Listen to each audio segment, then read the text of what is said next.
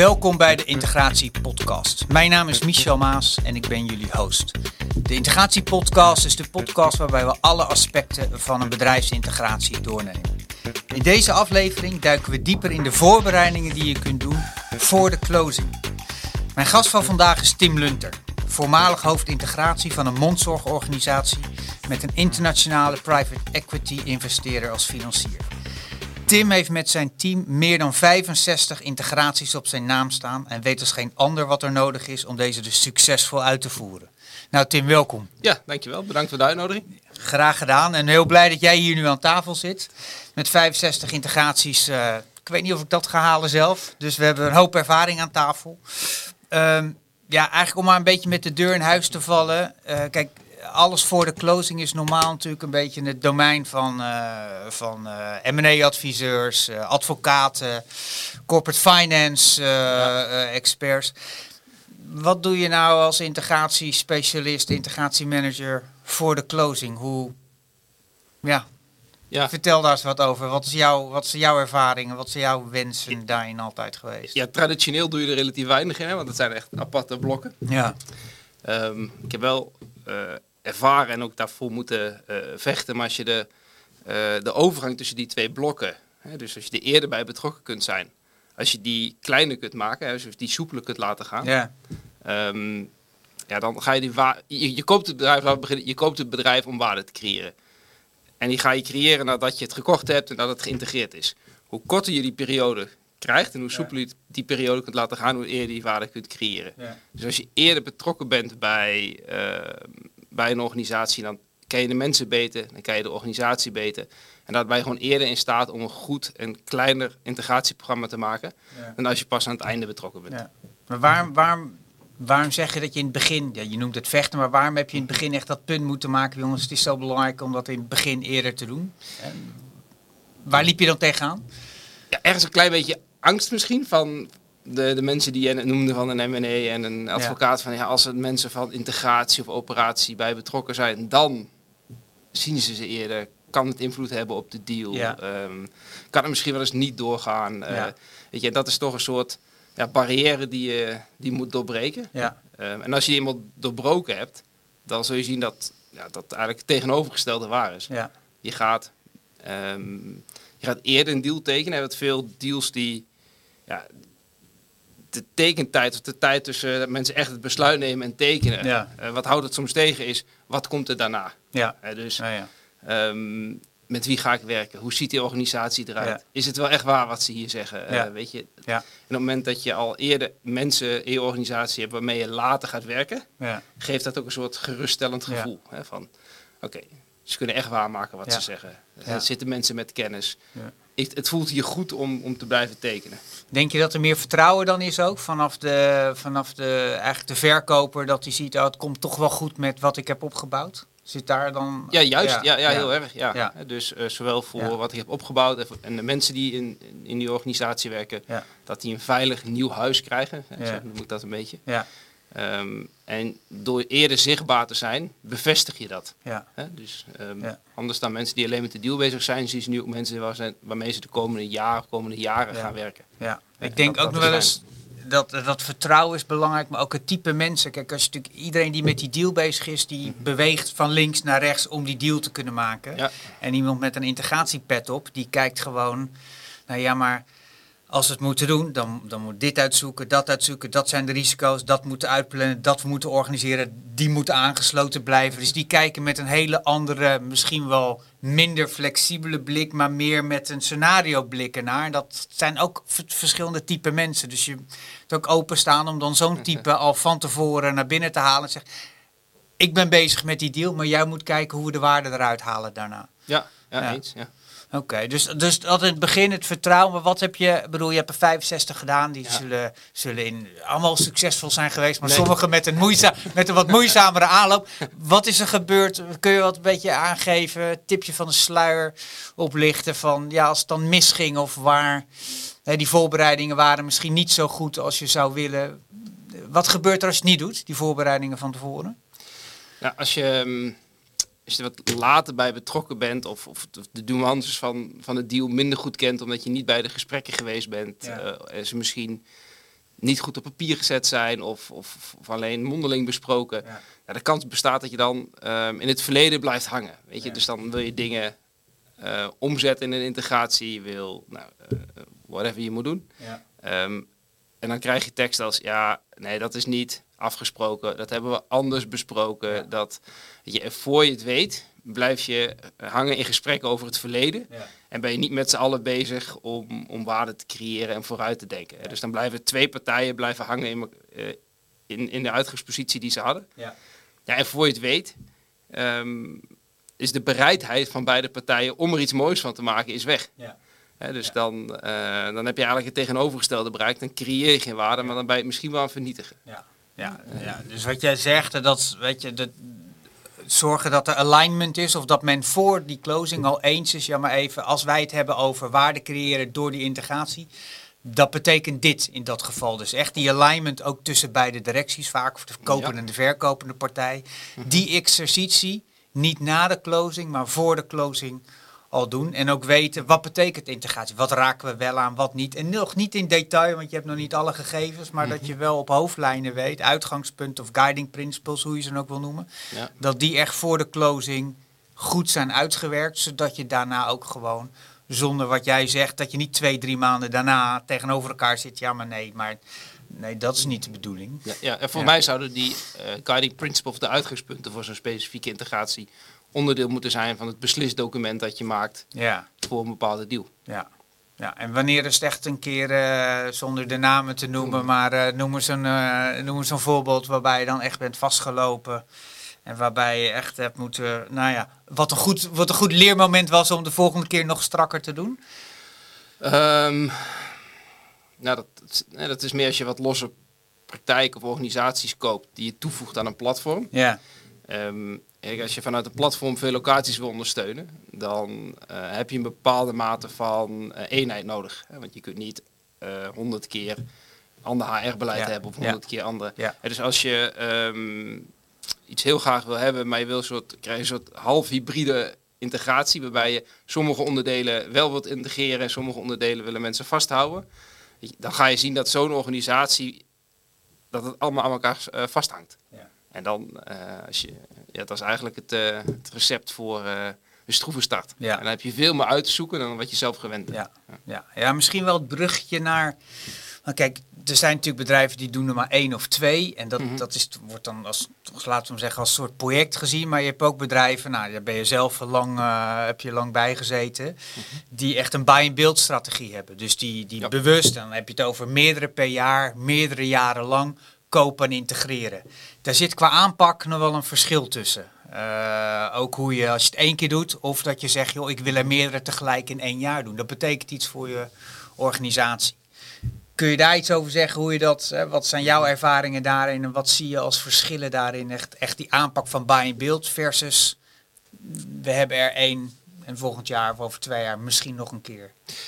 Ja, als je één één overname of één integratie doet, dan, dan heb je het veel meer over projectorganisatie. Waarbij je eenmalige groep mensen hebt die uh, een begin en een eindpunt hebben. En, die goed, en die integratie tot een goed eind moeten brengen.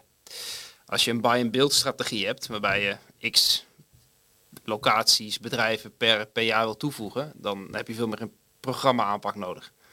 Um, waarbij je echt iemand hebt die verantwoordelijk moet zijn voor de gehele planning. Um, en dat vraagt ook iets anders van de, uh, van de organisatie. dus waar je eenmalig capaciteit kunt toevoegen aan een project, heb je gewoon structureel capaciteit nodig om de aangekochte locaties om te zetten in, ja. uh, of toe te voegen aan je eigen organisatie. Ja. En wat betekent dat als je dan hebt over okay, programmatische aanpakken, zeg ik, heb mensen dedicated, mm. maar ook door je hele organisatie heb je dan ook, zeg je dan dat je per afdelingen mensen moet hebben die weten wat het is? Ga je al met draaiboeken werken? Hoe kun je dat een paar lagen daaronder van wat betekent het nou voor zo'n organisatie om echt buy in beeld te doen en echt snel te kunnen integreren en de, wel de business ook nog goed doen doorlopen? Ja, het, het leuke aan, uh, aan zo'n buy in beeld is dat je uiteindelijk ook een leereffect krijgt, uh, waardoor je het elke keer beter wordt. En dus heb je inderdaad van iedere afdeling uh, mensen nodig ja. die, um, die op een bepaalde manier werken. Het draaiboek ja. waar we het steeds over gehad hebben. Um, en dat kun je dus ook elke keer beter maken. Dus ja, ja je hebt per afdeling een, een, een, draaiboek. En die moet jij als programmaverantwoordelijke samenbrengen. Ja. En dat is niet alleen intern bij je afdeling, maar dat is ook met leveranciers ehm, en met andere organisaties waarmee je samenwerkt. Ja. Ehm, en het is uh, de kunst om dat op elkaar te kunnen plannen. Ja. want je, je kunt er niet vier uh, op dezelfde dag uh, plannen. Hè, dus dat zul je geleidelijk over de maanden moeten verspreiden. Ja. Um, dus ja, daarmee zie je veel meer een programma aanpak dan, dan een eenmalig iets. Ja, ja. en heb je dan uh, want je hebt het dan over zo'n playbook, maar heb je dan ook, mm jij zegt ja, je, er zit een leereffect in. Hebben mhm. jullie iets met evaluaties gedaan? Of hoe, hoe, hoe, hebben jullie dat aangepakt om dat playbook of dat, dat, dat, dat draaiboek ook steeds beter te maken? Hoe, wat was het proces daarvan, wat jullie daarvoor hadden ingericht? Uh, aan het einde van iedere integratie, en dat hebben we echt wel een keer overgeslagen, maar in principe aan het einde van iedere integratie uh, evalueer je wat hebben we hier geleerd, wat hebben we goed gedaan. Ja. En wat als we in de stappen die we met z'n allen besproken hebben, Ehm, als we dat aanpassen, kunnen we het de volgende keer beter doen. Dus dat moet gewoon ook een vast onderdeel worden van de besprekingen die je met elkaar hebt. Ja. Of eigenlijk, de, we hadden twee wekelijks um, een bespreking van alle integraties. Ja. En als we uh, x weken na overgang waren, dan was gewoon het vaste evaluatiemoment. Ja. Dus dan vroegen we iedereen, joh, wat hebben we hier gezien en wat kunnen we meenemen naar de volgende keer. Ja, oké. En heb je gezien, want wat is, wat, waar, waar gaat op een gegeven moment, waar zit het maximum? Als je dan, uh, waar, ga je echt opschalen op het moment dat je zegt, joh, er komen er nog meer aan. Mhm. hoe, hoe voordelig werkt dan zo'n playbook? En waar ben je dan alleen maar op aan het sturen op een gegeven moment dat als het volume toeneemt aan bedrijf wat je aan het overnemen bent? Um, nou, het voordeel van een playbook is dat je gewoon heel duidelijk in beeld hebt wat de doorlooptijden zijn en wat de capaciteit is en, en, waar het dus uiteindelijk gaat wringen. Ja. Um, en op het moment dat, dat je zo'n punt bereikt, dat is het punt om te zeggen, uh, vaak met directie van of we moeten het verder uitspreiden of we moeten op deze en deze punten opschalen. Ja. Dus het geeft gewoon ook vooral heel veel inzicht in wat je aan het doen bent en welke capaciteit je nodig hebt. Ja, ja. ik denk volgens mij daar zit volgens mij het grote voordeel in. Dat je gewoon ook je hele organisatie ook normaal door kunt laten draaien en weet welke mensen je nodig hebt of welk, wanneer ze wat moeten doen. Op het moment dat er weer in aankomt, ga je oké okay, we beginnen weer, mhm. we lopen de lijst af, dit is wat we moeten doen.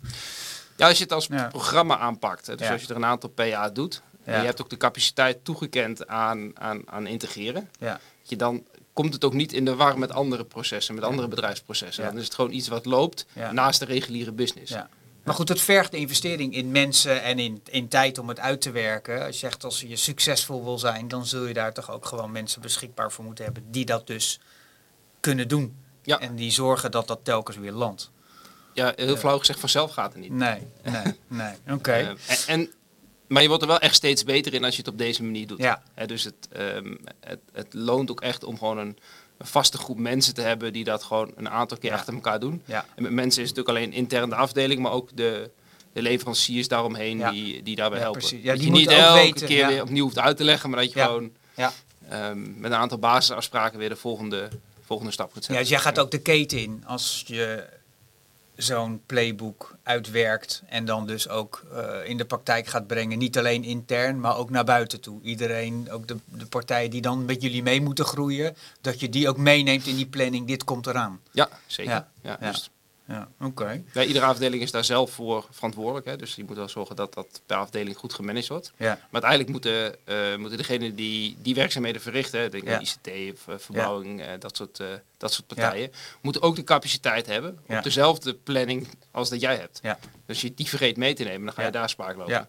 Ja, ja. Nee, dus het is ook echt wel kick-off, goed uitgewerkt, uh, afblijven. En dan wordt het op een gegeven moment gewoon ook echt het aflopen. En dan komt discipline er ook bij kijken om te zorgen dat ook jongens... Er komt er weer in aan, dan start het weer op. Dus overzicht, mhm. discipline, vasthouden aan, veel samenwerken. En ik denk waar we het begin over hadden, als het als misgaat, niet lekker loopt, ga je dat altijd in de eerste maanden werken meteen. Dus als de afspraken van tevoren niet helder zijn geweest, als we toch de capaciteit niet hebben, dat ga je in de eerste maanden, eh, naast het initiële enthousiasme van, oh mooi, mhm. er gebeurt weer iets wat, wat, wat fijn, maar na twee, drie maanden zit je met z'n allen elkaar aan te kijken, oh dit is of meer werk dan we hadden gedacht, of we hebben de afspraken niet helder, en zie dan maar weer eens de boel uh, eruit te trekken om weer te starten. Ja, dat kost vele malen meer moeite, tijd en energie dan uh, als je het vanaf, uh, vanaf moment één goed doet. Ja. Het is ook maar zelden dat je, dat je na anderhalve maand denkt, oh dit gaat lekker. En dat het dan nog echt helemaal de, de soep in loopt. Ja. Dat, Ja. dat gebeurt zelden. Ja, maar ik denk dat dat is ook wel echt wel de wijze les. Goed voorbereiden, weet je, wat is het? eh, eh, goede start, goede voorbereiding, halve werk, al die... do- eh, Ja. het is wel zo. Goed voor, en goed voorbereiden kost uiteindelijk veel minder tijd. Ook dan een aantal maanden daarna de boel weer helemaal uit de modder moeten trekken. Ja, en als we nog even teruggaan naar het, het eerste punt, eh, goede voorbereiding. eh, schept ook vertrouwen bij degene die jij wil, eh, wil kopen of wil Ja. overnemen. Ja. En dan, dan kom je over als een partij die betrouwbaar is Ja. en die echt het, een idee heeft met het bedrijf dat gekocht wordt. Ja. ja, dus eigenlijk wat jij zegt, daar waar de M&A-adviseurs en de, de advocaten en misschien ook wel de corporate finance experts een beetje afhoudend zijn van ja, misschien toch niet, want misschien komt die deal onder druk, is eigenlijk het omgekeerde waar. Haal die integratiemanager van tevoren erbij. Eén, het heeft waarschijnlijk een positief effect op de deal, want je ziet risico's meer en misschien kun je nog iets doen Ja. met die waarde van die deal. Misschien nog de, de koopprijs nog laten beïnvloeden. En het tweede is dat je een verkopende partij krijgt die, die vertrouwen krijgt in, oh, oké, er wordt goed voor mijn bedrijf, het wordt goed voorbereid, goed afgestemd. Ja. Dus eigenlijk is het omgekeerde waar, zeggen we hier. Ja, zeker. Ja. dus, dus bijna wat je zegt. Dus de, als je met andere ogen naar een deal kijkt, Ja, dan, dan zie je ook andere dingen. Dus je Ja. kunt of de deal scherper stellen, of toch in ieder geval intern de discussie hebben over als we dit doen, ja, dan heeft dat deze en deze gevolgen. Dus je wordt minder, eh, minder verrast. ja, En het heeft zeker een positief effect Ja. op, het, eh, op het vertrouwen van, van de andere partij. ja, Ja, het zwarte gat noem ik dat, maar het zwarte gat is, is weg. Mensen weten waar ze terechtkomen. ja. Ja, helder, helder. Ik zat nog, je hebt natuurlijk in zo'n, in zo'n periode aanlopend naar de close, je hebt wel de due diligence. Hè, de Ja. financial due diligence, waarbij ook diezelfde groep waar we het net over hadden, heel erg goed aan het kijken is in de dataroom van nou, wat staat er allemaal in, hoe zijn de cijfers, et cetera. Ja. Dus maar naast de due diligence, en als je dan eerder betrokken werd, hebben wij het ook wel eens gehad over, ja, wat is dan, hè, doe dan een integratie due diligence. Dus kijk met ogen naar wat betekent het, wat we nu zien en wat we nu kunnen ontdekken, waarvan we beter die integratie kunnen voorbereiden. Hoe, hoe pakten jullie dat aan, dat stukje? Ja, wij, ja, ik noemde dat het busje, maar wij gingen eh, met, met een busje, Ja, ja. een, een- een busje met allemaal specialisten gingen Ja. wij naar de, naar de betreffende locaties. Om echt die locatie te bezoeken. ja. Je ging letterlijk in de auto daar naartoe. Ja. En echt gewoon kijken hoe, hoe ziet het hier uit? Hoe is hier eh, ICT vormgegeven? Hoe doen ze hier eh, operationele punten? Eh, hoe zit het met kwaliteit en veiligheid? Ehm, dus dat, dat geeft je een, A, een heel goed beeld over wat je koopt. Hè? Dus dan kun je nog het risico's beter inschatten. Ehm, het helpt enorm als je op dat detailniveau hebt kunnen kijken in de voorbereiding. Hè? Dus om, om de plannen definitief te maken kun je veel beter inschatten wat doorlooptijden en dat soort dingen zijn. Eh, en de begroting voor de M&A eh, vaak eh, nog een hekelpunt. ja. Die kun je veel secuurder afgeven omdat je gewoon echt gezien hebt hoe, Ja. de, hoe de staat is van eh, deze apparatuur en, en het pand. En hoe deed je het dan? Want je kunt niet, terwijl iemand in de stoel ligt, daar met je busje aankomen rijden. Dus hoe, hoe werkte dat dan? Want het, en het is, de, de deal is nog niet geclosed, dus nog niet iedereen mag het weten. Hoe, hoe, ga- hoe werkt dat in de praktijk dan? Na acht van de tien keer kom je gewoon naar een sluitingstijd. Nee. Met z'n allen of je, je bedenkt een, mooie smoes om legaal door de praktijk te kunnen, lopen. ja, ja, Ja, maar vaak is het gewoon na sluitingstijd. ja. ja. En, en veel tijd, weinig tijd, wat eh, niet doen of wel doen maakt denk ik een heel groot verschil. Wel of niet vanuit integratie, due diligence. En als je het wel doet, wat, wat is de tijdsbesteding die je dan daaraan hebt? Ja, het bezoek zelf, afhankelijk van de grootte, is eh, een, een uur tot anderhalf uur. Ja, Eh, Dus dan heb je met echt wel een goed beeld van, van die locatie. ja, En dan heb je nog een voor, voorbereiding en een afsluiting. Ja. Dus ja, god, eh, eh, vier, vijf uur per persoon. Hè, dat is een beetje... eh, Met de groep mensen die. Maar dus we hebben het hier ook helemaal niet over een gigantische tijdsbeslag. Maar je geeft wel aandacht aan. Joh, We kijken we nou eens met ogen vanuit integratie naar, naar wat er na die closing moet gaan gebeuren. Ja, Ja, dit is wel het, het minimale wat je zou moeten doen Ja. om, om voorbereid aan een integratie te kunnen Ja. beginnen. En wat merk je dan in de gesprekken met zo'n. Want dan heb je namelijk aan. Ook, je hebt natuurlijk ook gesprekken dan op dat moment met Ja, zo'n ja, eigenaar. ja. En die heeft dan. Die, er worden dan ineens hele andere vragen gesteld. Want normaal kreeg je altijd vragen over waar zitten ze kosten en eh, waar, hoe, hoe zit ze markt, et cetera. En nu stellen jullie dat. Wat merk je dan bij zo'n eigenaar? Ehm, nou, je merkt wel dat hij of zij heel veel vragen heeft. Dus waar Ah, we het ja. net over hadden, dus als je niet eerder bij dat proces betrokken bent, dus je, dat het moment is dat ze je voor het eerst zien. Ja, Als we tekenen, wat gebeurt er dan? ja, Wanneer komen jullie dan? Wat gaan we dan veranderen? Hoe ziet het er dan uit? Oh, dus dan komen ook eigenlijk alle vragen die, die, die nog zitten bij de, bij de verkoper, komen er dan vaak uit. Ja. Dus het is vaak andersom. Dat, dat oh, diegene meer vragen aan jou hebben dan andersom. Ja. en wat brengt dat dan weer in dat proces? Wat, wat merk je dan uh, voor zo'n eigenaar heeft dan met, heeft natuurlijk ook met die mhm. integratieclub gezeten, die heeft zijn vragen kunnen stellen. Die, en, wat is het effect dan op die deal uiteindelijk? Wat merk je dan daar? In het proces daarna, ja. de deal moet nog gesloten worden? Mm, ah, in, mindere mate waar, we het net over hadden. Kijk, dus dan hebben ze voor het eerst gezien wat de mensen zijn of wie de mensen zijn waarmee ze straks gaan samenwerken en wat er gaat gebeuren. Dus dan begint eigenlijk het bouwen van een relatie voor, voor zeg maar, het eerste jaar, eerste twee jaar. Ja. Um, dus daar begint dan het vertrouwensproces. Ja. Uh, als je het M&A-proces dus wil versnellen, of ik van, van de hogere kwaliteit wil laten zijn, ja. Ja, moet je proberen om dat moment naar voren te trekken. En dat is eigenlijk... Ja. Uh, ja. ja, dus ook hier weer helemaal geen, geen koudwatervrees of angst, eerder meer vertrouwen en, uh, en gewoon, uh, nou ja, gewoon ook een stuk onzekerheid die wordt weggehaald bij zo'n ondernemer op dat moment dan. Dat, ja. dat meer dan, dan, uh, dan, dat ze, dan dat ze ineens koudwatervrees krijgen voor de hele deal. Nee, oh, helemaal nee. nee. het is altijd wel, oh, je komt met heel veel mensen. Ja. Weet je, dat is. Uh, maar uiteindelijk is altijd de afdronk, en jullie doen dit grondig, jullie doen dit goed. Dat schept vertrouwen. Ja. Ja.